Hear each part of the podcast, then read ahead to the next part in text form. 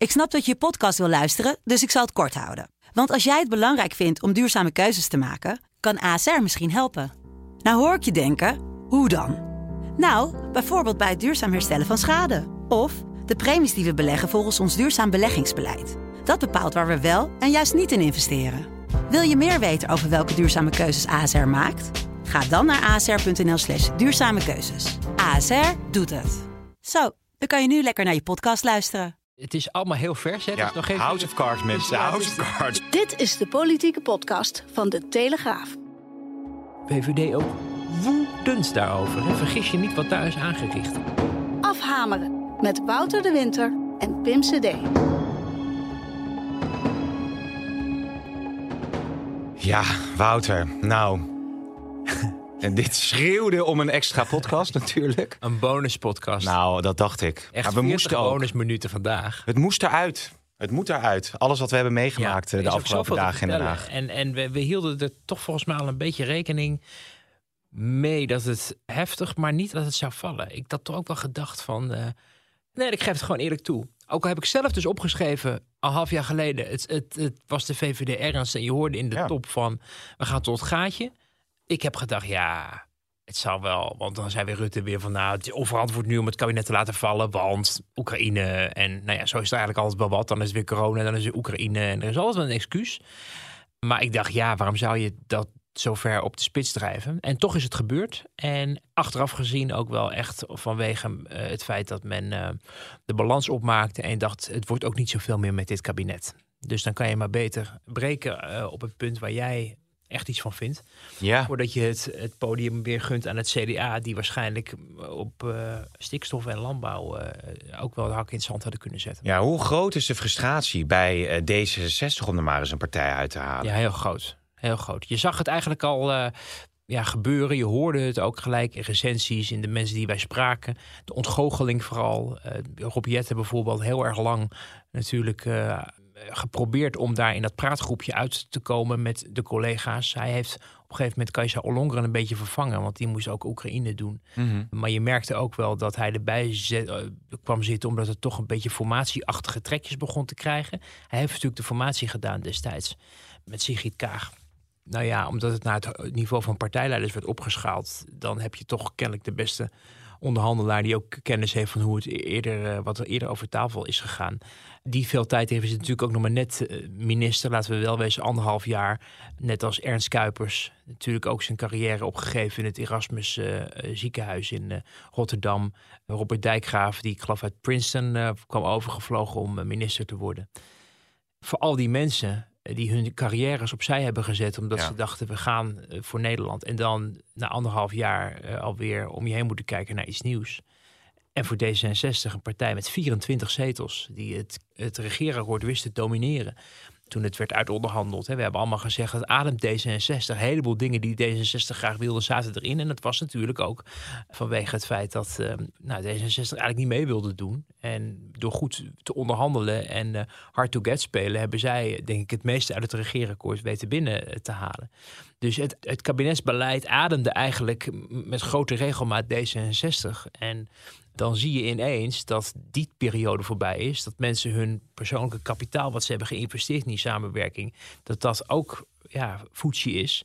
En dat die, die, die 24 zetels, ja, ik, ik, op dit moment, maar goed, het zijn gekke tijden, maar die krijgen ze natuurlijk niet Nee. bij de volgende verkiezingen, verwacht je. En dat is een hard gelach ook voor die fractie, want daar zijn er, is het ook allemaal mensen die dachten dat ze wel even Ja. wat gingen veranderen. Maar goed, als die frustratie zo groot is bij D66, om daar nog even verder op door te gaan. Er is natuurlijk toch wel een eh, ja, onthullend eh, verhaal gekomen vanuit eh, jou over hoe zij het spel hebben gespeeld na de val van het kabinet. En dat Kaag nog persoonlijk ook contact heeft gehad met, met Rutte. Ja. Vertel hoe dat, hoe dat is gegaan. Ja, samen met Peter Winterman, eh, mijn collega. eh, net als de andere collega's overigens, eh, die, die ook nog niet op vakantie waren. Want wij, wij hebben natuurlijk in Den Haag ook de vakantie zo ingedeeld... dat op het moment dat de, de Kamer weggaat, er bij ons ook een paar weggaan. Dat je dan in tourbeurten weg kan. Want het is eigenlijk de enige moment wanneer je weg kan, namens tijdens de recessen. Dus eh, dat geldt niet alleen voor ons, maar ook voor al die andere parlementaire redacties. Dus, dus dat was eh, dan toch even weer doorwerken. Want ik zou eigenlijk ook al, eh, al, al vrij zijn. Maar goed. we hebben dus met z'n allen eh, natuurlijk de afgelopen dagen veel contact gehad met verschillende bewindspersonen, maar ook andere mensen die betrokken zijn geweest. En ehm, nou, we hoorden de afgelopen uren, of de afgelopen, ja, wat is het, 48 uur, we nemen dit op op dinsdag ochtend om kwart over tien. Ja, voor de mensen die natuurlijk, want deze podcast die kun je nog Ja, wel even naluisteren. zo, hè? ja, Onze dit- luistervrienden die kunnen hun lol niet op. De hele vakantie moet deze op repeat staan bij het zwembad. Want we zijn er pas weer in augustus ergens ver weg. Dus dat is natuurlijk ook. En ik ben trouwens ook niet zo geordend vandaag, omdat ik echt zo. Nee, maar dat is helemaal oké. Dat, dat is Dus- alleen maar mooi. Hou me gefocust. Maar goed, het verhaal. Op een gegeven moment, eh, gisteren, vlak voor het debat, 20 minuten voor het debat, krijgt Rutte een telefoontje van Kaag. Kaag zegt: Mijn fractie gaat open het debat in. Dus als het debat niet goed gaat, dan sluit ik niet uit dat de fractie de motie van wantrouwen zal steunen. Die Jesse Klaver en Adje Kuiken hebben bedacht. En steun hebben van veel oppositiepartijen. Om een motie van wantrouwen ervoor te laten zorgen dat Rutte stand te peden vertrekt uit het Ja. torentje. En dus niet demissionair de rit mag uitzitten. En dan zou kunnen overwegen om zich nog kandidaat te stellen als lijsttrekker. En wellicht de verkiezingen te winnen. Nee, hij moest direct onschadelijk gemaakt worden. Want hij was een te grote electorale bedreiging. Dus men dacht, dit is onze kans. Nu gaan we doen wat ons niet is gelukt bij het, het 1 april debat. eh, waar D66 natuurlijk ook kritiek over eh, heeft gekregen. En zeker sinds de val van het kabinet eh, het idee heeft van we kunnen misschien nu voor elkaar krijgen wat we toen misschien hebben laten zitten. En dat zou net goed zijn, want kijk hoe ze het kabinet hebben laten vallen bij de VVD. Dus die geeft dat telefoontje van ja, het zou kunnen dat ze dat wel gaan doen. En eh, ze zijn er trouwens ook al drie dagen mee bezig. Ja. Nou, en dan loop je dus 20 minuten voor het debat daar naartoe. In de veronderstelling, of dat veronderstellen wij, want wij waren natuurlijk niet bij de besluitvorming eh, van Mark Rutte en zijn VVD dat hij niet meer door zou gaan. Dat zou de dag daarvoor op een zondagochtend zijn gedeeld met de ja, VVD-top. Maar toen was dus al voor hen duidelijk dat hij zou stoppen. Om dan vervolgens het aan niemand anders, van nieuwe andere, geen enkele andere politieke partij te vertellen die maar blijven doorgaan met het scenario van hij wil door. Wat wij overigens ook eh, toch ook heel erg lang dachten. En wat ook nog tot laat in de in, ook nog op zaterdag in de VVD werd beweerd. Dus dat is op zich natuurlijk wel bijzonder.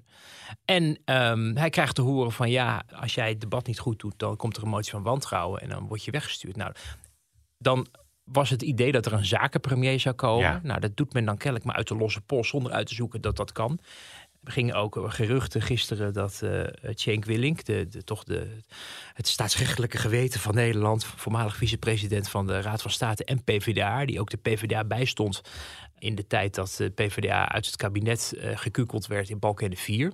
Dus als het nodig is, toch ook die partijpolitieke pet weten te vinden. Dat die zich zou hebben beklaagd ook bij eh, de PvdA over de gang van zaken en eh, de onverantwoordelijkheid ervan. Op het moment dat je demissionair premier naar huis stuurt. eh, veronderstellend dat dat ook betekent dat alle VVD-bewindspersonen dan solidair zijn Ja. met hem. En ook vertrekken, waardoor er een rompkabinet ontstaat van drie kleinere partijen die ineens elf bewindspersonenposten moeten gaan vullen. Terwijl ze dat nog best lang moeten doen waarschijnlijk. Misschien wel tot de zomer, als de formatie na de verkiezingen van november langer duurt. Dus daar was rumoer over, maar niet goed doordacht sowieso. eh, Een plan om dit te doen en niet alleen omdat je omdat het met een zakenpremier niet gaat lukken, maar ook vanwege het feit dat je het ambt, het instituut ook wel heel erg schade berokkent. Hè? Want er komen natuurlijk wel vaker nog situaties waarin kabinetten demissionair kunnen zijn. Kan ook zomaar een PvdA of een PvdA GroenLinks eh, rood-groene premier zijn, wiens kabinet het ook niet redt op welke manier dan ook. En als er dan een andere partij denkt, goh, die kans pakken we, we, we, we schoppen hem nu al uit eh, het med- van het mediapodium af, Ja. dan hebben wij meer kans met de verkiezingen. Je, je, je beschadigt het ambt, je beschadigt ook de manier waarop het, denk ik, het politieke systeem werkt. En waarom doe je dat? Omdat je veronderstelt dat iemand anders dan wel eens de verkiezingen kan gaan winnen. Dus dat heeft niks te maken met het vertrouwen dat hij die demissionaire periode niet goed zou kunnen afronden. Nee. Want wat gebeurt er op het moment dat hij zijn aftreden aankondigt? Is het ineens niet meer nodig om Nee. te sturen? Nee. Nou, hypocriete kan je het natuurlijk en veelzeggender kan je het natuurlijk niet krijgen. Nee, maar het geeft ook wel aan eh, hoe groot de frustratie bij D66 was. Of zat er ook achter dat ze dachten van nou, als Rutte inderdaad nou maar van het podium is... Misschien dat Kaag wel eh, door had kunnen schuiven. En dan had ze alsnog een opmaat gehad om eh, premier van Nederland te worden. Het is allemaal heel vers. Hè? Het Ja, is nog geen House of Cards, mensen. ja, House is- of Cards. is denk ik 24 uur geleden dat zich dit allemaal eh, voltrok. En er is ook sindsdien natuurlijk veel gebeurd. En we hebben natuurlijk ook veel over bericht. Het is een theoretische mogelijkheid dat men dacht van... nou ja, het podium van de premier heeft ze dan weliswaar demissionair... maar ze staat op het wereldtoneel. Ze staat Ja. laatste Amerikaanse president. En dat was zij vandaag naar veel nieuws gevlogen... in plaats van Mark Mark Rutte. Want die dan had dan moeten opstappen. En dan moest wel een premier, een regeringsleider daar naartoe. Dus dat was ineens vrij snel gegaan.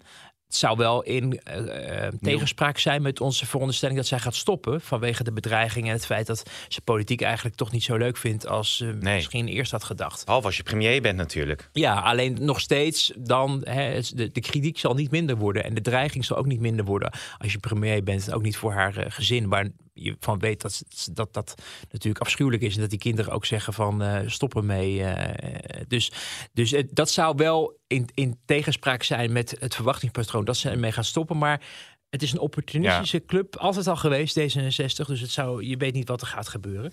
Een ander scenario is dat uh, de manier waarop dit gegaan is... en de manier waarop D66-fractie zich dacht te gedragen... ook een opmaat is naar het, de kandidatuur van bijvoorbeeld Jan Paternotte... voor het lijsttrekkerschap. Dat hij zich dan kon losmaken van ja, de tijd per Kaag, Rutte in het kabinet, de verantwoordelijkheid van D66, maar gewoon de beuk erin zou kunnen gooien mhm. richting een nieuwe verkiezingen. En ook richting zijn eigen mogelijke verkiezingen, omdat men vermoedt her en der dat hij ook uh, zijn vinger wil opsteken. Naast bijvoorbeeld iemand als Rob Jetten, uh, die natuurlijk veel meer aan de afgelopen weken vastgeklinkt zit, omdat hij natuurlijk achter de schermen aan het onderhandelen was. En door in het debat vervolgens Rutte heel erg uh, hard aan te pakken. En hem ook dingen onder de neus te wrijven van uh, die oorlogskinderen die jij uh, wilde weigeren. Waar Rutte dus zo boos op reageerde. vervolgens in het debat. Achteraf denken we dat kwam omdat Rutte toen net had gehoord wat D66 eigenlijk van plan was mm. met hem.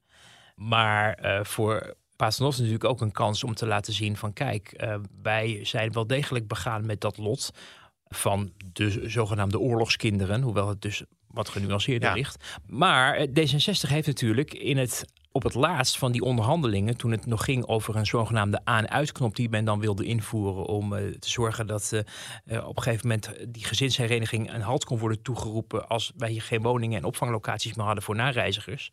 Daar zijn ze uiteindelijk wel mee ingestemd. En uh, uiteindelijk is het kabinet toch gevallen omdat de ChristenUnie zei dat willen we niet. En toen heeft men besloten dan allemaal niet. Maar dat is dus het, het eigenaardige dat op het laatst D66 wel bereid was te springen. Juist ook vanwege het feit dat zij geen zin hadden om het kabinet te laten vallen met alle gevolgen van dien. In zo'n confrontatie met Rutte kan je dan vervolgens doen alsof Rutte degene was die het onmogelijke uh, had voorgesteld. Maar de onderhandelingen waren bij de breuk zo ver gevorderd dat D66 wel aan boord was. Dus dit, dit debat was eigenlijk dan ook een verkiezingsdebat om te showen van kijk, wij waren het er eigenlijk toch ook niet mee eens. En hij wilde iets onmogelijks van ons. Terwijl we weten van mensen en ook van D66 mensen dat ze al zover waren om het compromis uiteindelijk te omarmen.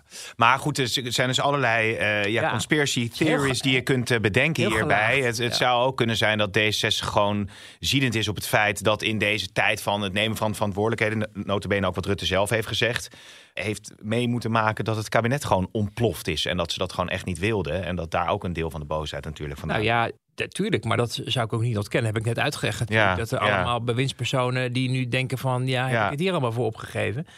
Maar je moet ook niet in de politiek naïef zijn dat er niet ook geschakeld wordt op andere niveaus. Dat er niet alvast vooruit wordt gekeken van hoe staat de, de, hangt de vlag er volgende week, volgende maand bij de verkiezingen bij. En dat het op een moment dat geschiedenis wordt geschreven, namelijk het einde van een kabinet, de verantwoording en de uitleg over dat proces die daar door de minister-president en op dat moment, ja, inmiddels toen net duidelijk dat hij ermee zou stoppen, maar verondersteld werd dat hij nog zou doorgaan. Dat je probeert om het beeld al gelijk zo te neer te zetten dat er één partij bijvoorbeeld als schuldig wordt aangewezen. En dat moest dan vooral de VVD zijn, want die hadden toch hun poot stijf gehouden. En dat kon toch eigenlijk allemaal niet. Het is op zich, bedoel, ik, ik snap heel goed hoor, dat, dat zeker als je acht en een halve maand met elkaar zit te praten.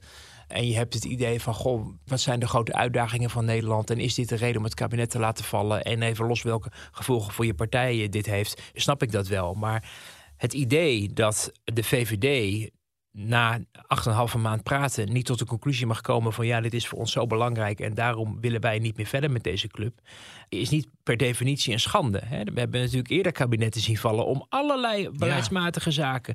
En het kabinet Balken en de Vier met de PvdA en CDA, dat was ook ruzie. En de PvdA wilde iets niet voor de rekening nemen wat CDA wel wilde. En dus gingen ze uit elkaar. En dat ging er trouwens op een op dat moment nog pijnlijker manier, want toen werden de PvdA-bewindspersonen echt het kabinet uitgetrapt. Ja, uh, dus, maar, maar je dus- voelde bij andere thema's, zoals bij stikstof hè, of, of klimaat, dan voel je een beetje de polarisatie, de pijn, de frustratie. Nou ja, kijk alleen naar het CDA met stikstof. Dan, ja, je ziet gewoon die partij worstelen. En bij asiel, er werd wel acht maanden over gesproken. Mhm. Maar je dacht, en je had wel die congres, het congres waarbij Rutte zei: Het is mijn commitment. En je had wel dat pittige gesprek. Ja. Maar omdat Rutte zelf natuurlijk ook had gezegd: van ja, we staan voor zulke grote Ja. uitdagingen. Het is oorlog in Oekraïne.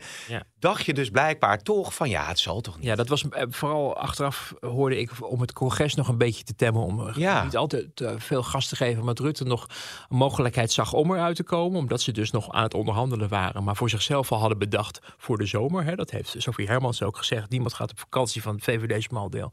Voordat er een deal is. Dus die druk die zat er wel op. Maar. eh, Maar VVD is gewoon andersom met druk. Is het vanuit misschien meer een bepaalde luxere positie, omdat ze natuurlijk toch goed Ja. staan in de peilingen? Ja, want dat is. de- Rutte, versprak zich ook een beetje op dat congres. Hè? Want die zei: ren nog niet te snel naar de uitgang. De peilingen zijn nog niet. eh, Ja. Ik denk, oh, dus dat speelt mee. maar dat viel overigens wel mee. Want als je kijkt naar de rest van de coalitie. Ja, ChristenUnie staat stabiel op de, op de vijf, vier of zes zetels. Dat al, al, al, al best lang. Maar het CDA zou natuurlijk aangaan. D66 zou er aangaan. Hè? Van, van 24 naar 12 of 24 naar 10 zetels. Dat maakt van D66 weer een partij. eh, niet meer het middelpunt van de macht. Maar, maar meer aan, aanvullend aan de macht. eh, die er bij een volgend kabinet wellicht te verdelen valt. Dus dat, dat zou een aderlating zijn. Dus zij, zit, zij zaten ook toen al vooruit te schakelen van dit is wel het pad waar wij, eh, wat wij af willen Ja. lopen. En er is ook al weken geleden is er ook wel nagedacht dat eh, er op een gegeven moment wel een knoop moest worden doorgehakt. Dus dat verbaasde dan achteraf gezien. Het is allemaal in hindsight niet helemaal. Maar mensen hebben gewoon niet verwacht in brede zin, ook, ook ik niet, dat het inderdaad dat ze het zover door zouden drijven. Maar de politieke calculatie van de VVD is natuurlijk ook geweest. Even los van het feit dat zij echt vonden dat hier wat aan moest gebeuren, omdat er een probleem is. Een sentiment wat je overigens ook heel duidelijk bij het CDA hoort. Hè. Dat moeten we niet vergeten. Het CDA zat hier ook vrij stevig in. Ook allemaal bestuurders uit het land de afgelopen weken die met allerlei ideeën kwamen om het aan te pakken. Eh, Hugo de Jonge, die ook heel nadrukkelijk binnens- en buitenskamer zei van dit probleem moeten we aanpakken. Ja. Moet. Dus dat ook voor het CDA. Maar zij dachten van ja, we kunnen het, moeten het wel zo lang mogelijk uitstellen voordat er een breuk is. Want we staan er wel heel eh, erg slecht voor. Maar de VVD heeft ook eh, gekeken naar het kabinet. Kijk, wat hebben we nu gedaan en wat komt er nog aan? Welke dossiers wachten ons nog? Gaat het bijvoorbeeld over stikstof? Wat hebben we wel al gedaan? Nou, een heleboel andere dingen. Er wordt wel eens wel uitdunkend geweest van het kabinet heeft nooit wat gedaan. Dat is gewoon evident niet waar. Want die pensioenen is een, is een echt een historische en belangrijke hervorming. Of je het nou eens bent of niet. Groen licht voor het Klimaatfonds. Overigens alleen in de Tweede Kamer, net als overigens in de, eh, het stikstoffonds. Maar er zijn echt wel stappen gezet. Er is ook veel geïnvesteerd, koopkrachtpakketten. Dus er is, er is echt, wel, echt wel veel gebeurd. En ze zijn ook wel op een aantal dossiers het eens geworden. Overigens wel onder de comfortabele begeleiding van grote zakken geld. Hè? Want dat is natuurlijk de smeerolie van het kabinet geweest. Niet de ideologische overtuiging. Maar als je allemaal maar tegen, geld tegenaan smijt... dan komt het vanzelf wel goed. En dan koop je eigenlijk het eh, probleem af. Maar de VVD heeft ook voor zichzelf een calculatie gemaakt dit gaat hem gewoon niet meer worden met deze club. En als het nu niet valt, dan valt het straks wel. En dan kunnen we maar beter vallen op iets wat wij heel belangrijk vinden. Wat wij ook uh, al van tevoren ook hebben aangegeven. En wat historisch gezien voor de VVD een wingewest is. Dat klinkt cynisch, omdat mensen, oh, over de ruggen van vluchtelingen. Nou, dat is omdat niemand het meer over migranten heeft, maar automatisch over vluchtelingen. Maar de manier waarop je toestaat dat uh, um, ja, nieuwe mensen naar Nederland komen zonder dat die onderdak, opvang, dat ze gerechtigd zijn om hier te blijven. Of überhaupt dat ze integreren. Want dat hele punt van het integreren van nieuwkomers, daar hoor je nooit meer iemand over. Maar we weten uit het verleden welke ellende dat met zich kan meebrengen als je dat niet zorgvuldig beleidt. Ja, ze hebben daarbij ook gewoon rekening gehouden van dan maar nu. Want Ja. anders gebeurt het later uh, alsnog wel. En uh, dat was tegen het zere been van partijen die dachten... we kunnen met deze coalitie nog wel, wel even door. En ook de hypocrisie, want daar had je heel veel van de afgelopen weken. Van partijen als uh, in ieder geval PvdA GroenLinks, die um, de afgelopen weken moties van wantrouwen richting het kabinet hebben gesteund. alsof het een lieve lust was. En het ook heel goed zouden vinden als het kabinet onmiddellijk ten val zou komen. Maar nu het ten val is gekomen, zeggen dat de premier onverantwoordelijk bezig is. Dus ik weet niet hoe je dat in je hoofd Oh ja. op één lijn trekt. Maar ik, ik snap hem niet helemaal. Ik, ik gooi hem onder het Het is, het is, het is en, echt... Ja. Wouter, we, we, moeten dit allemaal gaan verwerken. Ik, ik, het is echt... Ik wil... Zoveel, hè? Oh ja. man, echt. Maar het was ook, het was ook uh, gisteren natuurlijk op maandag toen dat... Uh, ja, toch wel historische moment. Uh, nou, toch wel. Het historische moment was, was ik ook een krankzinnige dag. Hè? Ik, ik zat uh, even een leuke anekdote. Ik zat trouwens thuis en mijn zoontje moest de tanden nog poetsen voordat hij naar school wilde. En die wilde eigenlijk niet. Ik zei ja. Tels hebben. Zo. Ik zeg, je moet, je moet nu echt meewerken. Want papa moet naar, de, moet Maar, naar maar Den Haag. sowieso heb jij met je, met je kind een discussie over of je Ja, nou ja, goed. Hij had is gewoon het einde, van het schooljaar. Moeheid, helemaal klaar Oh, mee. dan hoef je niet meer. Nee, dan, dan, kost het wat meer, dan kost het wat meer overredingskracht om hem uiteindelijk de schoolbak in te krijgen. Wel duidelijk wie de broek aan heeft. Ja, zo is het ook. Ja. Maar toen we uiteindelijk natuurlijk in Den Haag aankwamen, was het natuurlijk eerst die, die, die boosheid, die frustratie eh, Ja. vanuit Wilders, vanuit Van der Plas, vanuit Marijnissen, noem het maar. Het mooie was dat ik met Marijnissen stond te praten. Mhm. En het was, het, zeg maar, het hele Haagse journaal stond aan de andere kant. eh, ja, je hebt dan natuurlijk die, die patatbalie rondom de, rondom de plenaire zaal.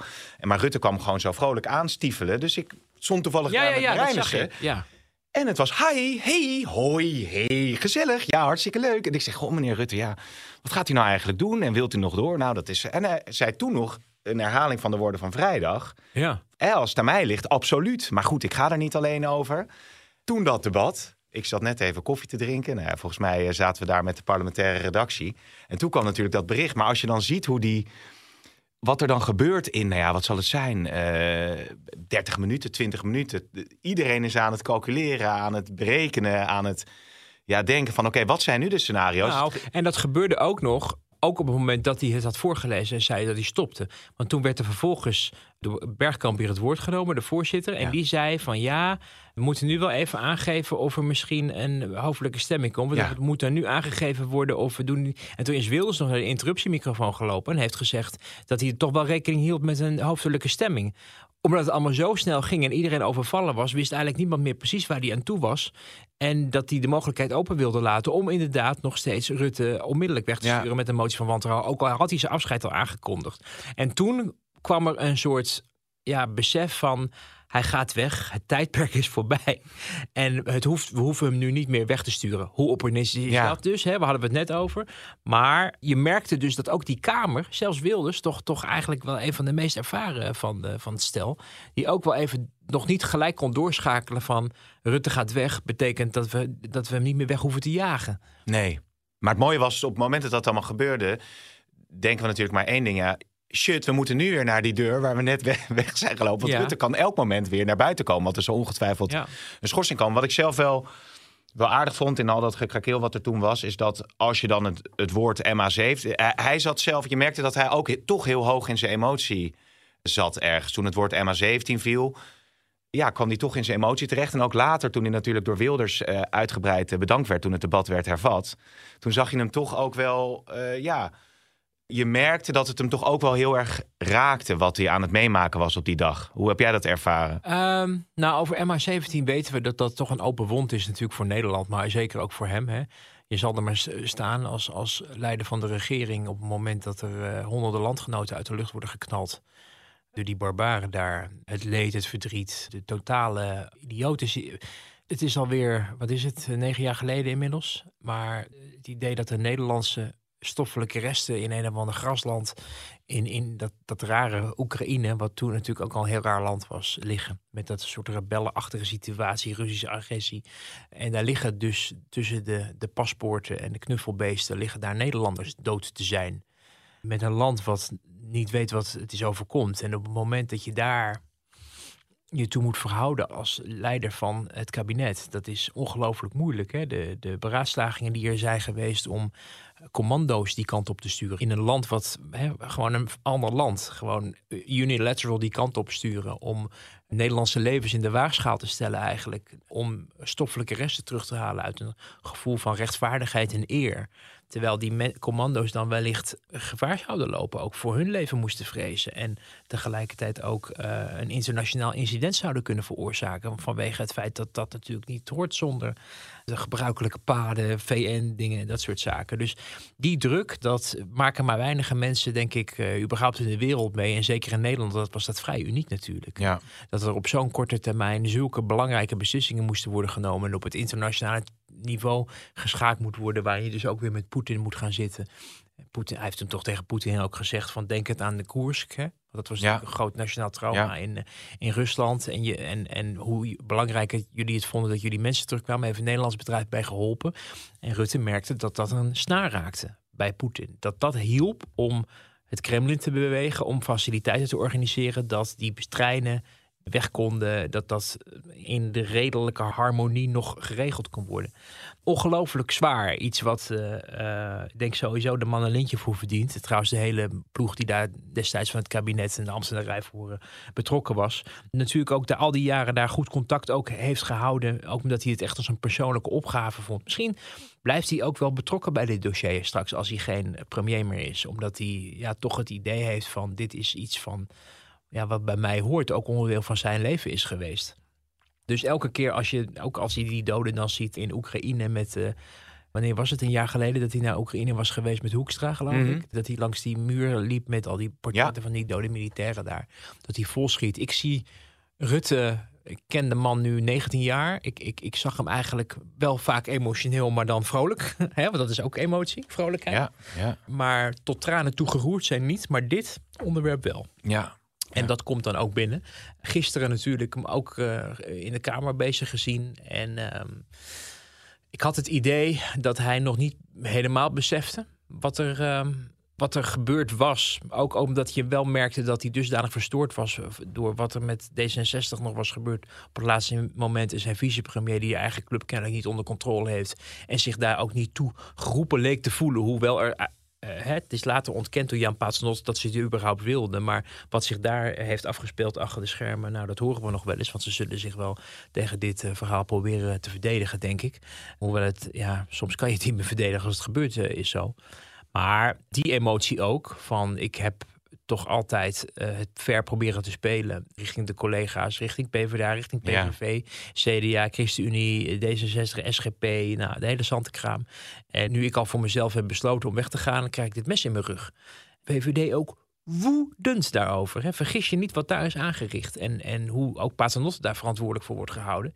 Dus als hij straks de leider wordt, zal in Den Haag vroeg of laat er wordt altijd afgerekend. Hoe goed de verhoudingen nu ook lijken. Dit, dit is voor de VVD en voor VVD is echt een, een, een heel zwaar uh, onderwerp. Nou ja, hij was wel, had wel berusting in het feit, was mijn indruk, dat hij op een dag weg zou moeten. Ik heb me wel eens laten vertellen dat hij voordat hij die beslissing nam, daar ook wel met vrienden over wil spreken. Maar wat ik begrijp is dat hij dat toch vrij op zichzelf heeft bedacht, alles overziend. Er zijn natuurlijk ook nog dingen gebeurd de afgelopen weken. Dat, dat die Caroline van der Plas zei dat sowieso niet met Rutte wilde regeren. Het sentiment begon je ook. Uh... Ja, ze heeft nog gezegd overigens dat ze Rutte niet als premier wilde, maar wel in een andere kabinetsfunctie. Ja, ondenkbaar op het moment dat hij de grootste wordt. ja. Dus dat, dat ging sowieso niet gebeuren. Maar Hadden we alweer bij... verkeerd begrepen, zei ze. Ja, ja, ja nou, we hoorden het sentiment overigens ook bij het CDA nog. Ik meen dat Dirk Boswijk voor, nou, voor het debat ook die sprak ik voor het debat. Mijn god zeg, ja. Was, is die, nou, die wist het ook nog niet. Nee, maar die zei echt van... En, en nu ben ik er zo klaar mee dat ik niet meer de Tweede Kamer inga als Rutte premier wordt in een uh, volgend kabinet, of dan wil ik niet onder Rutte dienen, zeg maar. Ja, dan steun ik dat niet. Steun ik dat dus niet. En precies. zou betekenen dat dan het CDA of hij dat niet zou doen. En wellicht als hij leider wordt. Het kan tegenwoordig allemaal uh, bij het CDA. Iedereen kan leider worden. Iedereen kan leider worden. Ja, ja. Nou, of is het Artje Kuiken die dat zegt? Iedereen is beschikbaar. Nee, iedereen kan leider. Ik dacht meer als, als die vroeger als die puzzels van Ravensburger. Nou, oh, had je zo iedereen, kan, iedereen kan schilderen. Iedereen kan schilderen met Ravensburger. Nou, ja, zeker. Pak het kleurtje en, en, en kleur het vakje met het getal. Weet je maar hiermee zeg jij dat Dirk Boswijk geen geschikte leider van het CDA zou zijn? Of denk je dat niet? Nou, het gaat allemaal wel heel hard. Hij heeft uh, vorige week bij Op1, toen hij moest uitleggen wat nou eigenlijk het land, de landbouwkoers was van het CDA sinds het mislukken van het landbouwakkoord, echt een heel slecht optreden afgeleverd. Totaal niks zeggend. En er werd ook in de partij, maar ook in de rest van Den Haag ook wel echt over geroddeld van nou, de keizer heeft wel heel erg weinig kleren aan. Hmm. Tegelijkertijd wordt hij wel als talent gezien, maar het is allemaal nog niet op het niveau, denk ik, dat je denkt, nou, daar staat een nieuwe Nee, maar ja. Buma, de nieuwe Jan-Peter Balken en de, de nieuwe Ruud Lubbers. Dat is het allemaal nog niet. Nee, maar dat is ook wel leuk natuurlijk aan deze tijd. Bij Rutte had je natuurlijk het idee van ja, als, als Rutte de nieuwe premier wordt, ja, dan staat daar een autoriteit, dan staat er iemand met gezag, dan staat er iemand die, die de coronacrisis kan managen. Als je nu een premier krijgt, ja, dan moet je dus maar gaan afwachten hoe die het gaat doen. Nou ja, Timmermans heeft even heel erg speculatief. Oh, die heeft, ja, oh. het, schreef collega Alexander Bakker, het gonst in Brussel. Volgens mij moet er deze woensdag nog gestemd worden over die natuurherstelwet. Ja. Dus dat wordt ook nog wel spannend. Misschien helpt dat ook mee aan de beslissing. Het zou zomaar kunnen. Maar die heeft in ieder geval... wordt, heb je een minder eh, goed track record dan als het een succes wordt. Maar die heeft ervaring, hè? politieke ervaring. Ja, nou ja. ja, ja. Ik weet je, ik, ik, um, ik vind het erg interessant en ik vind het ook moeilijk om nu al te zeggen dat dat hele avontuur van die samenwerking, PvdA GroenLinks, of dat wel helemaal goed gaat. Het rumoer wat er vooral bij de oude garde van de PvdA aan het ontstaan is. Ik heb daar toch een aantal houten methoden over gesproken de afgelopen Mhm. tijd. Eh, echt niet alleen maar voormalig bewindspersonen, maar ook, ook andere mensen die heel lang meegaan al in de PvdA. Die ook echt een, eh, een heel duidelijk eh, gevoel hebben bij de historie van die club. Denk aan de tijd dat de eerste SDAP bestond en vervolgens de PvdA werd. En nu is er straks dus helemaal niet meer zo'n partij verkiesbaar kennelijk, maar is het een soort fusieclub geworden. Misschien met een andere naam of rood-groen is, is op zich voor de hand liggend. En eh, dat men die historie, hè, we hebben het al vaak over gehad, je loopt door de gangen bij de PvdA, je ziet Wim Kokje Ja. aankijken, je ziet Willem Dreesje aankijken, je ziet Joop den Uyl aankijken, Lodewijk Asscher, eh, al die prominenten, al die, die, die zwaargewichten van weleer die partij er op eigen kracht eh, aan hielpen om soms wel 50 zetels te scoren, 48, 50. Of met Samson nog, eh, wat was het, 38 in 2012. En dat dat nu uit noodzaak en uit overlevings- en ook als ja, machtszoekerij de sleutels van de, de winkel aan Jesse Klaver worden overgelaten. Want nog even terugkomen op die motie van wantrouwen. Ehm, ik denk even aan de manier waarop de PvdA ook omging met Mark Rutte. Hè? De eerst, of eigenlijk voornamelijk natuurlijk in 2012 met Diederik Samsom. Maar zijn enige vriend die uit de politiek heeft overgehouden, zo wilde legende. Diederik Samsom en Mark Rutte. Oh. Dat zegt natuurlijk wel wat. De rest is toch functioneel. Functionele Hoewel die wel zei, ik hou van je. Rutte tegen Klaver eh, Ja. gisteren. Ja, omdat, om, ja, ja, maar een echte vriend. Nee, oké, dat was een emotie. vriend is, is Diederik Samsom. Eh, vervolgens ook Lodewijk Asscher. Natuurlijk ook wel. eh, Lodewijk Asscher was de enige die hem, denk ik, echt aankon de afgelopen jaren. Even op Wilders na, want die kon hem ook wel, maar die deed het op een andere manier. Maar Lodewijk Asscher wist hem in zijn argumentatie heel vaak onderuit te halen. Of daar pogingen toe te doen, omdat hij jarenlang. Slimme man natuurlijk, Asscher. Ja, er bovenop zat en ook zag de twijfel en weet waar Rutte niet goed in Mm. is en wel. Dus dat was eigenlijk iemand die, die als het hem gegund was door zijn eigen club, notabene. En niet GroenLinks mede mogelijk maakte door die hoorzittingen allemaal te organiseren. Dat hij ja, een soort schuld kreeg van de toeslagenaffaire. Dat hij een brief niet had gezien of zo en daarop acteerde. Ja, het is echt, als je er nu over nadenkt, wat hebben ze zichzelf aangedaan. Maar goed, die samenwerking, ook op het moment dat als je geen minister meer was, maar Rutte iets moest regelen ergens in Scandinavië, wat het voormalige werkterrein van Asscher aanging. En hem dan belde vanuit Scandinavië en zei Lodewijk, eh, hoe zit het met die? Weet je nog wat toen is gezegd? Ik bedoelde echt een, op een professioneel contact, terwijl Lodewijk Asscher in de oppositie zat op dat moment als leider van de PvdA. Maar omdat het landsbelang en het idee van we waren met dit voorstel bezig, we zijn er nog steeds mee bezig, waar jij ook mee bezig was, dat kunnen we dat vooruitbrengen. Weet je, dat, die spirit en die vergelijken met het, ja, de hysterie die eh Adje Kuiken over zich heeft gekregen en inmiddels de PvdA mee de sleutels volledig aan eh, Jesse Klaver overlaat. Eh, activistische politiek bedrijven ondoordacht met grote risico's die het hele politieke systeem kunnen ondergraven. En tegelijkertijd heel duidelijk een spoor van vernieling achterlaten. Ook een breuk met het toch zoeken naar goede werkrelaties en goede verhoudingen. Ja, ik sta er ik sta er echt van te kijken. En ik, ik hoor ook heel veel mensen in die partij, echt van, van voornaam niveau, die daar echt grote moeite mee hebben. Die zich daar ook echt zorgen over maken, over wat er gaande is. En hoe het toch mogelijk is dat je, dat je de PvdA, wat toch een, ooit een sterke club was, ja, door GroenLinks eigenlijk de macht laat overnemen. En je zag het ook in die presentatie, die ze dan in der haast weer in Café Dudok hadden georganiseerd zondag. Was ook weer ja, Warm en druk. aanfluiting. Als je Ja, kijkt- beter dan Ploemen en Klaver toen, toch? Want dat, maar was, eh, dat was vond het volgens mij... vergelijkbaar niveau. Dat was op een tochtig station. Dat was op een tochtig station. Gingen ze ineens hadden zo'n best van ja, we gaan samenwerken. Oeh, ik heb er, ik heb er alle vertrouwen in dat het goed. eh, ja, ik werk, Ja, werk aan ja, ja, de- de- elke week een beetje. Dus dat was al heel erg. En nu dus, dus die, die in haast persconferentie waar niets inhoudelijks gezegd wordt, alleen maar wij willen macht. Wij willen een linkse premier, want een linkse premier dat zal, als, dat zal de, de, de tovernaam, de toverstokje blijken. Want die zal straks al het leed in, in Nederland. Het is, was het maar zo makkelijk. Je, je zullen toch een coalitie moeten vormen. Dus je, je, eigenlijk de, de ondraaglijke lichtheid van de inhoudelijkheid van dat linkse blok. Wordt gecamoufleerd door te zeggen: we zijn samen en dan kunnen we de premier leveren en dan wordt het leven voor Nederland eh, beter. Echt alleen maar gericht op macht en niet op inhoud. En dan zag je die Katinka Polderman, heet ze geloof ik, als ik Katinka, ja, ik vind Katinka vond ik zo'n mooie naam, dus die heb ik voor altijd. Ja, kokette Katinka, of was dat niet zo? Hey, een kokette Katinka. Ja, ja, ja, nee, klopt. ja. Ook een heel fout nummer tegenwoordig. Kunnen we niet meer, uh, eigenlijk niet meer nee, zingen. kun je niet meer zeggen. Nee. Um, en dan die eerste Mirjam Cent en het kwaliteitsverschil van zij, charisma, weet wat ze wil, Katinka. Echt dat je denkt, nou, dat is best een interessant. Daar gaan we nog wel wat van horen en merken de komende jaren. En er staat Esther Mirjam Cent ernaast. Ook de zoveelste PvdA-voorzitter sinds Spekman, die ook maar, hè, eerst dan Nelleke Veder licht gehad natuurlijk. En nu hebben we deze. En er komt, het gaat er gewoon niet van uit. Je staat er van een blaadje wat op te lezen. De begeisterung, het oude sociaal-democratische spirit die je, die je zo duidelijk zag bij ook mensen als Felix Rottenberg, maar ook van Hans Spekman bedoel, het was op een gegeven moment tijd voor de Spexit. Weet je nog? Was ook zo'n mooie mm. voorpagina. Spexit. Ja, ja, ja. ja, ja. Spekman wegging naar die eh, mislukte lijsttrekkersverkiezing met Samson en, en Ascher. Ik verblijf me verbazen over hoe een partij met zoveel politiek talent en overtuigingen ervoor kan zorgen dat de boel zo uit de hand is gelopen. En nog steeds alles maar laat gebeuren. En Jesse Klaver met zijn scorebordpolitiek notabene de agenda laat bepalen. Maar zou het kunnen zijn dat het oude sociaal-democratische geluid... Uh, waar natuurlijk Plasterk ook steeds aan uh, memoreert in zijn columns... dat dat misschien toch niet meer genoeg aanslaat uh, bij het land. En dat misschien meer het, het klimaatgeluid... of dat dat in ieder geval de gedachte is vanuit die linkse samenwerking... dat ze daarmee een groter kiezerspotentieel aan zich kunnen binden?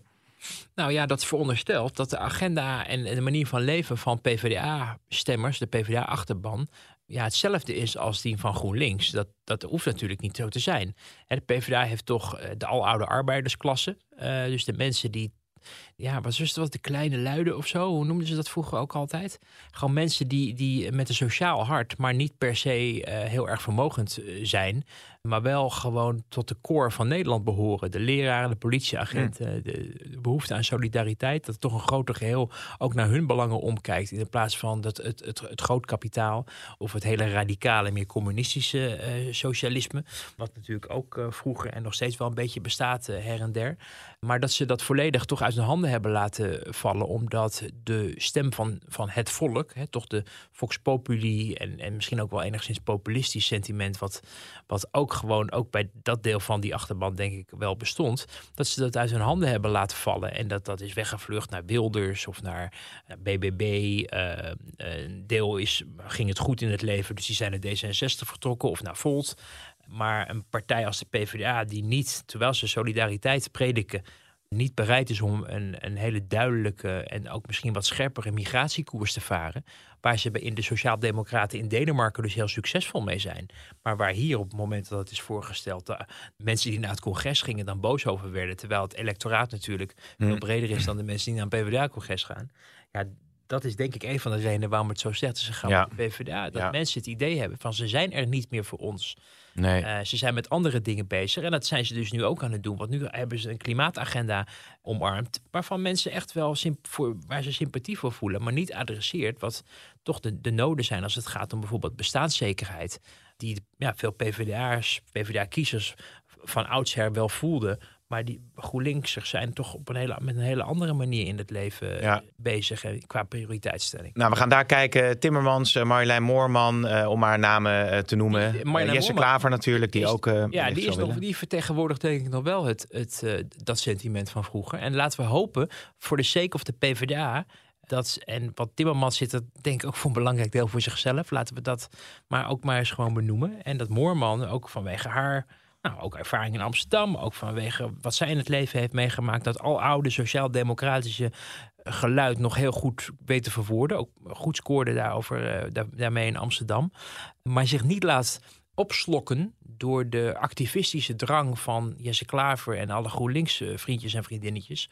Of door iemand als Frans Timmermans die denkt Zij is een vrouw, zij is veelbelovend, zij is jong en nieuw. En samen met haar kan ik mijzelf ook naar Den Haag Ga werken. ik, ga ik een hele grote arm omheen Nou ja, eh, dat zag je al gebeuren op, op een gegeven moment toen er sprake was van zullen we samen hè, die samenwerking aangaan. Dat congres kwam. Toen kwam er ineens een ingezonden brief in de krant, in de Volkskrant uiteraard, het, het partijblad, zeg ik lekker heel stout, waarin allemaal prominenten zeiden ja, we moeten de krachten bundelen. Ik begrijp dat Samson dat heeft georganiseerd en dat Moorman daarover toen ook benaderd is en eigenlijk dacht van ja, baat het niet, dan schaadt het niet. Maar dat dus heel slim Timmermans aan Moorman gekoppeld werd. Terwijl ze, denk ik ook, ook vanwege toch een beetje beperkte politieke ervaring op het hoogste niveau, niet doorzag dat ze eigenlijk gebruikt werd ook voor Timmermans Ja, ja. om die weer op het podium te krijgen. Dus je hoopt dat Moorman zich laat omringen door mensen die, die toch wat autonomer in de wedstrijd staan dan dat ze allemaal de heilige. Ja, en zeggen, ga jij het, ga jij het maar gewoon eh, zelf eh, autonoom proberen. Wat natuurlijk Precies. toen ook met, eh, met Rutte is eh, gebeurd. En die na een hele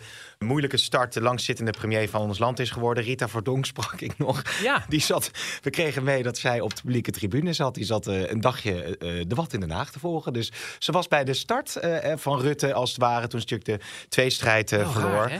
En het vertrek, ja, was wel opmerkelijk. En ik vond het ook wel heel opmerkelijk ook dat ze toch heel kritisch eh, was in het in, dat ze toch niet kon laten om nog een sneer eh, uit te delen. Nou, als zij premier was geworden, waren er niet zoveel problemen ontstaan, zei ze. Ja, nou, maar dan zag je wel even het verschil tussen Rita. Verdonk en Mark Rutte. Hè? Ja, Want- dat, daar zit wel een verschil. Ja. denk jij dat Mark Rutte zoiets zou hebben gezegd? Nee, Nee, denk ik denk ook niet dat Rita Verdonk zo lang premier van ons land eh, was, eh, was geweest. Dat denk ik ook niet. Het is natuurlijk Zo'n wel. populaire vrouw toen natuurlijk. Ja, maar ik weet ook dat, dat Rutte heeft later ook nog wel contact eh, met haar gehad. En er is ook nog wel eens wat, wat sms-verkeer geweest onderling. Ook weer het bewijs dat Rutte toch uiteindelijk met iedereen de verhoudingen goed Nou. probeerde te houden. Ook met, die zat gisteren bij jou bij, eh, bij op één ook, die Christy eh, Rongen, die toeslagenmoeder. Die had dus eh, nadat Rutte bekend had gemaakt dat, hij, nou, dat het zou aflopen, toen heeft zij een, bericht gestuurd aan Rutte. Ik sprak haar gisteren ook nog en toen heeft Rutte dus daarop gereageerd. Dus Ja. dat geeft zijn benaderbaarheid ook wel aan. En je merkt gek genoeg bij die vrouw die zo hard getroffen is, een respect over de manier dat ze toch wel altijd bij hem terechtkomt. En dat er wel altijd contact was onderling en dat hij benaderbaar was. Terwijl ze natuurlijk heel boos was over ja, hoe het allemaal is gelopen. Tuurlijk. En ik, ik denk ook echt hoor. eh, bedoel, ik, ik begrijp heel goed. En het is denk ik op een gegeven moment ook wel tijd om te gaan. Het is een lange tijd geweest. Je zag dat hij zichzelf, dat heb ik vandaag ook in het, in het stuk in de krant geschreven, hij zat zichzelf ook in de weg. Dingen die er mis waren gegaan onder zijn verantwoordelijkheid kwamen steeds vaker terug. En hoe langer je er zit, hoe automatischer dat ook wordt. Je kan niet meer zeggen, het kwam door Balkenende of Kok of wat dan ook. Dit waren ook, hier was hij, droeg hij mede verantwoordelijkheid voor. En hij was de enige die nog overbleef. Want de rest was al Ja. die mensen met wie hij gewerkt heeft. En zijn allemaal weggestemd, afgetreden, wat dan ook. Dus hij was de, de, sowieso de kop van Jut. Hij droeg ook verantwoordelijkheid. Hij noemde zichzelf ook de eindbaas. Dus het is ook logisch dat op een gegeven moment dat een bijna onwerkbare situatie wordt. Wat ik denk, wat we een beetje gewoon zijn gaan vinden, maar wat niet gewoon is, is dat we veronderstellen dat de minister-president een president is. En dus ook direct de verantwoordelijkheid draagt voor wat de verschillende bewindspersonen doen. Trouwens, je kan je ook afvragen of dat sowieso eh, in het buitenland al het geval is. Laat staan dat het in Nederland moet gebeuren, waar de minister-president de primus inter pares is. Dus de eerste onder zijn gelijken. En op het moment dat de minister van Onderwijs of de minister van Verkeer en Waterstaat of Infrastructuur fout maakt, het niet betekent dat Rutte dat had moeten voorkomen en zich daar meer mee moeten bemoeien Nee. per se. Maar dat we een beetje zijn gaan geloven met z'n allen, dat ook omdat Rutte zichzelf de eindbaas noemde, eh, omdat hij altijd voor alles de schuld kreeg, een beetje zijn gaan geloven dat hij en ook zijn opvolger kennelijk dingen kunnen oplossen eigenhandig. En ik denk dat we straks nog van een koude kermis zullen thuiskomen als we zullen ontdekken dat ook bijvoorbeeld iets als de toeslagenaffaire of de, de, de, de Groningse oplossingen en de manier waarop je dat landsdeel en die mensen probeert te steunen niet, zijn niet zozeer in qua oplossingen zijn beter gemaakt een jaar nadat de nieuwe premier er zit. Dan zal je zien van hé, hey, lopen nog steeds dossiers over die toeslagenaffaire. Waarom is dat niet opgelost? En dan blijkt dat het helemaal niet aan Rutte lag. Want reken maar dat hij het ook politiek heeft gedrukt om dingen voor elkaar te krijgen. Toen hij zag wat een ellende dat ook voor hem opleverde. Maar dat het systeem en de capaciteiten van de overheid om, om dit soort grote problemen binnen een paar maanden aan te pakken, dat we dat gewoon niet hebben. Ja, En nee. dat we dus zullen ons, maar dat zullen we straks denk ik merken. Op het moment dat er een nieuwe, nieuw kabinet zit, dat het dat niet zal betekenen dat de problemen zijn opgelost. Die problemen zullen voortduren. En dan nog even los van de modus operandi van Rutte, met in het stand houden van de goede contacten, de benaderbaarheid, zullen we ook zien hoe zijn opvolger met dat ambt omgaat. En Ja. zullen we kijken of die zich, zoals Jan-Peter Balkenende deed, met de motorcade door het land laat rijden met, met motoren en, en dat soort zaken. Of een beveiliger in de zaal met een persconferentie op zijn eigen ministerie laat plaatsnemen. En dan zaten we daar in Balken en de Vier zaten we in de RVD-zaal, die dan de persconferentie, het decor was van de wekelijkse persconferentie na de ministerraad. En dan zat er een DKDB'er, zo'n nou, lijfwacht, zat op de eerste rij voor het geval een van de journalisten.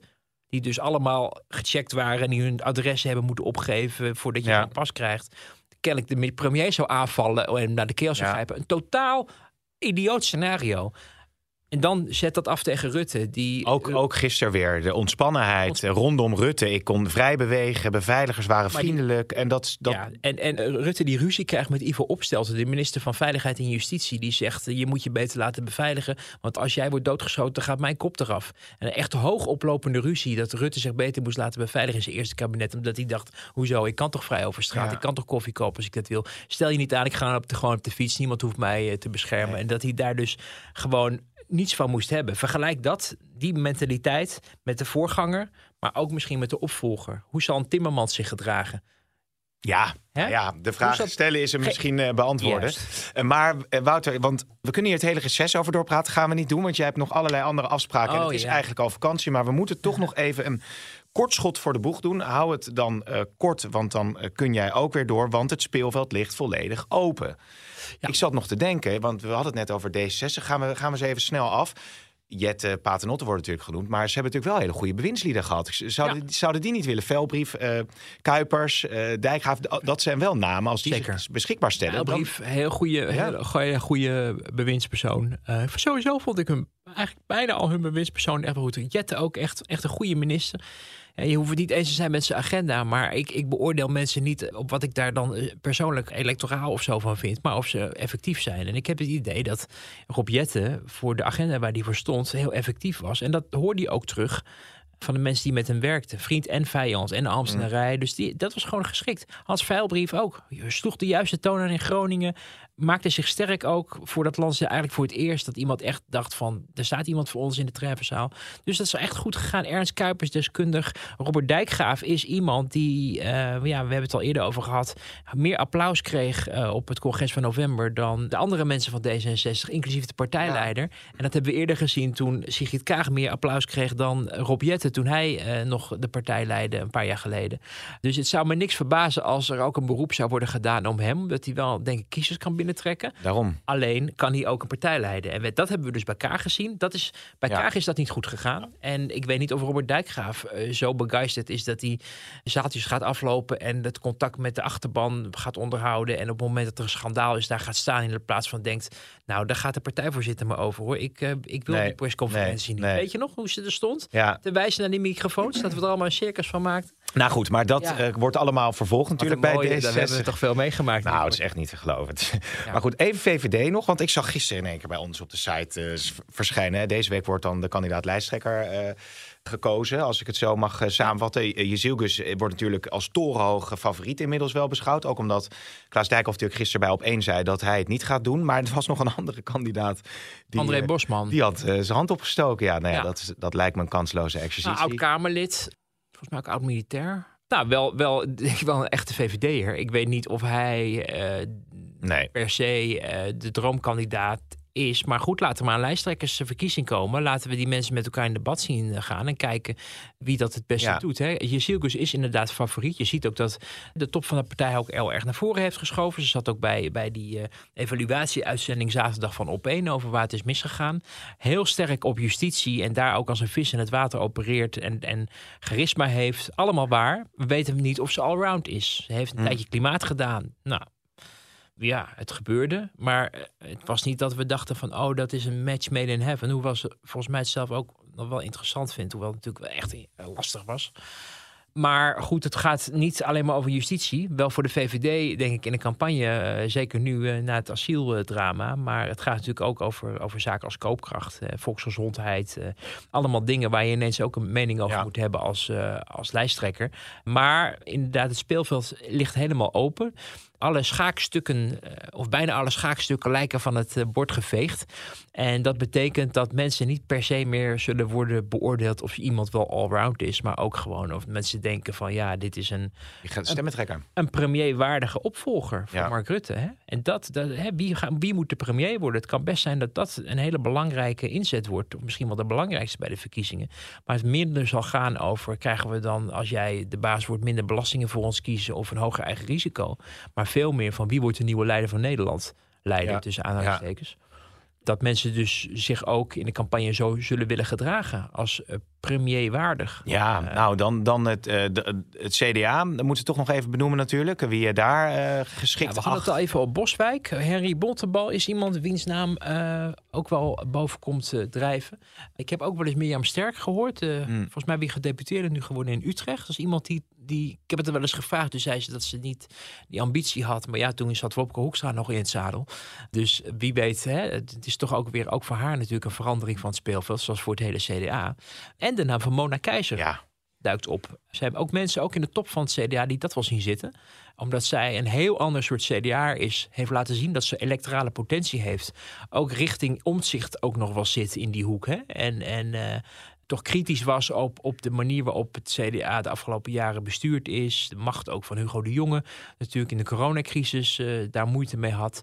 En autonoom is. En een heel ander soort CDA dan wat we jaren gewend zijn bij die club. En het kan best zijn dat dat, dat tot een verrassing kan leiden. is Alleen, zij goed met Pieter Opzicht? Zou, zou zij Pieter Omtzigt terug kunnen halen, de partijen? Ehm, nou, voor, zij heeft natuurlijk ook jarenlang met omzicht gewerkt. Volgens mij is dat op zich jarenlang ook goed gegaan. Hoewel ook Mona, net als een heleboel andere mensen bij het CDA, merkte dat het omzicht niet per se een teamplayer is. En dat hij gewoon een Einzelganger is. En dat dat de samenwerking ook in de fractie, waar zij toen ook Ja. in zat, wel vaak heeft bemoeilijkt. Hè? En hem ook wel heeft gezegd van, goh Pieter, ga eens naar huis. Ga eens naar je vrouw en kinderen. Ga nou niet weer eh, op die treinreis naar Europa of nog het debat. Of, of denk ook een beetje, raak niet overwerkt. En dat dat op een gegeven moment ook wel tegen Dovermans oren gericht was. Dus ook wel op een gegeven moment heeft geconcludeerd van ja, Omtzigt en, en de partij zijn toch uit elkaar gegroeid wat dat betreft. Hm. Maar goed, het zijn onorthodoxe tijden. Dus ik sluit op zich niks uit op dit moment. Nee. Maar wel dat de naam van Mona Keizer, die toch ook jarenlang een. Maar Mona is jarenlang een beetje van de ja. Hè, leuk, lekker Volendams, lekker gek wijf of zo. Maar misschien wel meer in haar mars heeft dan mensen, zeker electoraal, eh, aanvankelijk hadden gedacht. Ja. Dus dat wordt ook een hele interessant en sowieso eh, tijd een heel interessante sowieso om te in de gaten houden wat er bij het CDA gaat gebeuren. Want als je partijleider opstapt en je fractievoorzitter al zegt ik ga het niet meer doen, dan is er in één klap een heleboel ruimte. En dan ben je benieuwd of de partijvoorzitter dat allemaal in goede banen kan leiden. Ja. En daar hoor ik ook dingen over van ik denk, nou, ik weet niet of dat eh, of die de man is op de juiste plek. En dan Dus- hebben we het niet gehad over Hugo de Jonge. We hebben het niet gehad over Caroline van der Plas. We hebben het, oh, ja, 21 is trouwens natuurlijk ook nog heel interessant. eh, of die doorgaan met, eh, met, met Joost Eertmans. Want daar was natuurlijk ook nog wel wat onrust eh, over. eh, wat je wel haast zou eh, vergeten. Ja. Ja. Ja, Wouter, weet je, we- stoppen er maar even mee. Want het is te veel. het is echt te veel. Hier moeten de mensen het maar even Ja, mee doen. nou ja, misschien een, een, een slotwoord. Zoals je dat ook in jouw verhaal schreef over eh, Mark Rutte. Gisteren ook veel kritiek heeft de laatste periode eigenlijk ook na dat functie elders debat enorm veel eh, ja, over zich heen gekregen. Nieuwe bestuurscultuur die hij toen in dat interview bij Nieuwser ook eh, beloofde. Is voor zeggen ze eigenlijk maar weinig van terecht gekomen. Ja. Ja, Ehm, dat was vooral iets wat eh, natuurlijk ook voor deze Ja. heel erg werd, werd nagestreefd. En hij, ja, als je, als je hem, je weet toch hoe hij, als je, als je dat van hem wilde horen, wilde hij dat best wel toezeggen. Maar Ja. dacht hij, nou ja, dan hebben we dat ook weer gedaan. Dat vond ik wel zo mooi dat ik dus hoorde, dat staat dus ook in het artikel dat we vandaag hebben geschreven, dat hij eh, op 1 juli na de slavernijherdenking eh, Ja. een, een ontmoeting had met, met VVD-toppers om over migratie te spreken. En uh, nou, ze kwamen er toen net vandaan en de koning en uh, die heeft natuurlijk die toespraak gegeven. En daar was natuurlijk heel veel om te doen geweest aanvankelijk. En hij bood excuses aan, hij vroeg om vergiffenis aan de nazaten. En het was eigenlijk toch wel een succes geweest. En toen kwam hij daar bij die VVD'ers aan. En toen zagen ze ook op de televisie hoe Parijs in de fik stond. En Bordeaux en Marseille. En uh, echt totale etnische spanningen. Wat heb ik jou daar? En dat hij zei tegen zijn partijgenoten die allemaal dachten van... nou ja, is niet een beetje overdreven met die dat slavernijcircus wat is opgetuigd inmiddels. En dat hij zei, joh, als het nou lukt om te voorkomen dat de dingen bij ons zo uit de hand lopen, zoals dat bijvoorbeeld in Parijs gebeurt op dit moment, door eens in zoveel jaar aan een bepaalde bevolkingsgroep excuses aan te bieden, dan is dat toch geweldig. Dan moeten we dat toch gewoon blijven doen. En dat was precies de manier waarop hij ja. uh, zijn premierschap bestierde. Niet altijd, uh, of misschien wel wat te weinig, af en toe ook je eigen VVD-principes laten gelden. Tot het laatste moment. Maar iemand die heel erg oplossingsgericht inderdaad probeerde toch de boel bij elkaar te houden. En uh, dat was een PvdA-motto van Job Cohen. En uh, nou ja, dat, dat heeft hij min of meer toch geadopteerd. En daardoor heeft hij het wel 13 jaar kunnen volhouden. Ja. En is er, ondanks de ellende waar we het net over hadden, natuurlijk. Het gaat voor een heleboel mensen in Nederland heel erg goed. Zeker niet met iedereen. Daar is de kritiek op natuurlijk gericht. Maar een heleboel mensen hebben de afgelopen jaren natuurlijk uh, een heel aangenaam leven geleid in Amsterdam. In Amsterdam zeker. Zeker in, in, Amsterdam. Maar in Nederland. En die tevreden kiezer, in ieder geval, uh, die, die hebben ook heel vaak op hem gestemd al die ja. jaren. En dat is niet de meerderheid van Nederland, maar weet je, dat, dat hij talent had om premier te zijn, dat ik denk niet dat vriend of vijand dat zullen betwisten. Zelfs niet als we de woorden gisteren hoorden vanuit de oppositie ook uh, aan zijn adres. Nou, Wouter, toch ik zeg onder fijn, het, we gaan, we, gaan we onder het uur blijven. Fijne vakantie en. Uh, nou, uh, ja, we, augustus zijn we er weer. Ja, en als er politieke ontwikkelingen zijn in augustus ergens, dan melden ja. wij ons natuurlijk weer in deze podcast afhameren. Wouter, dankjewel. Jo.